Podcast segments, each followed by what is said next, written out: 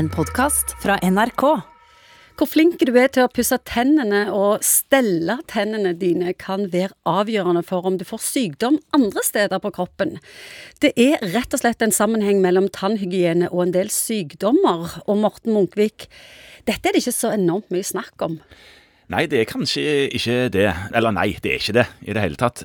Og det er fordi at man kanskje er litt sånn helt i spissen av hva vi har funnet ut sånn nylig. Bortsett fra selvfølgelig hjerteklaffbetennelse, at det er en del med dårlig tannhygiene som får hjerteklaffbetennelse. Det er fordi bakteriene i munnhulen rett og slett lekker over i blodbanen, setter seg på en syk hjerteklaff, og man får det som heter endokarditt. Det er en velkjent greie.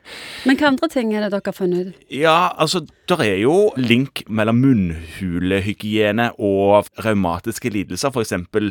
Eh, leddgikt. Det er hjertesykdommer, eh, lungesykdommer, det er masse forskjellige systemsykdommer som ser ut som å være korrelert med hvilken hygiene du har i munnen. Til og med svangerskapskomplikasjoner har jeg lest. Ja visst, det òg. Og, og, dette med at eh, vi lever her på nåde fra mikrobiologiske miljø vi omgir oss med, det er jo veldig, veldig sant. Og dette med at eh, bakterier og virus og mikroorganismer er skyld i en del sykdommer som man tenker at det kan jo ikke være et virus. Eller det der, der er ikke, i alle fall ikke en infeksjonssykdom.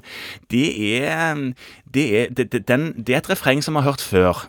For, for en tid tilbake så var det jo veldig sånn opplest og vedtatt kanskje at eh, når man var stressa og hadde et hektisk liv og levde sånn på kanten og kanskje et dårlig kosthold og sånne ting, så kunne du få magesår.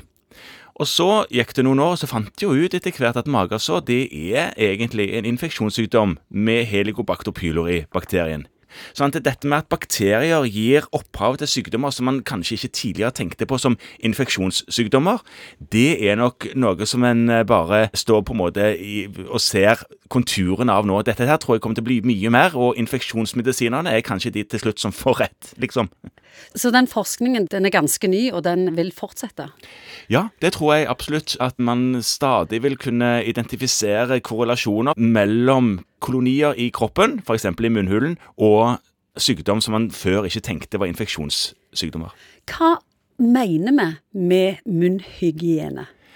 Det er jo egentlig tannpuss det er snakk om. Man har dårlig ånde og den typen ting er jo òg noe som folk tenker på som munnhygiene. Og dårlig ånde skyldes ofte overvekst av bakterier som er der fordi f.eks. man har tørre slimhinner eller, eller, et eller annet sånt som det. Men man kan òg være holdt på å si, født med litt sånn dårlig ånde. Dårlig munn? Dårlig munn, ja. Og det betyr ikke at man har en dårlig tannstatus og dårlig tannhelse, at tannkjøttet er sykt. Men når man snakker om tannhelse og munnhygiene, så er, det, så er det mer det det er snakk om. Hvor sunt og friskt tannkjøttet er, og tennene er. Hva tenker du da om at eh, staten ikke ser på tennene som en del av kroppen etter denne forskningen, og ikke dekker utgiftene her? Nei, det har jo jeg òg egentlig lurt på lenge før den forskningen kom, hvorfor det skal være så fryktelig dyrt å gå til tannlegen eh, og få ordna med tennene, og så skal det være sponsa å gå til legen og få ordna med resten av kroppen. Du har hørt en podkast fra NRK. Hør flere podkaster og din NRK-kanal i appen NRK Radio.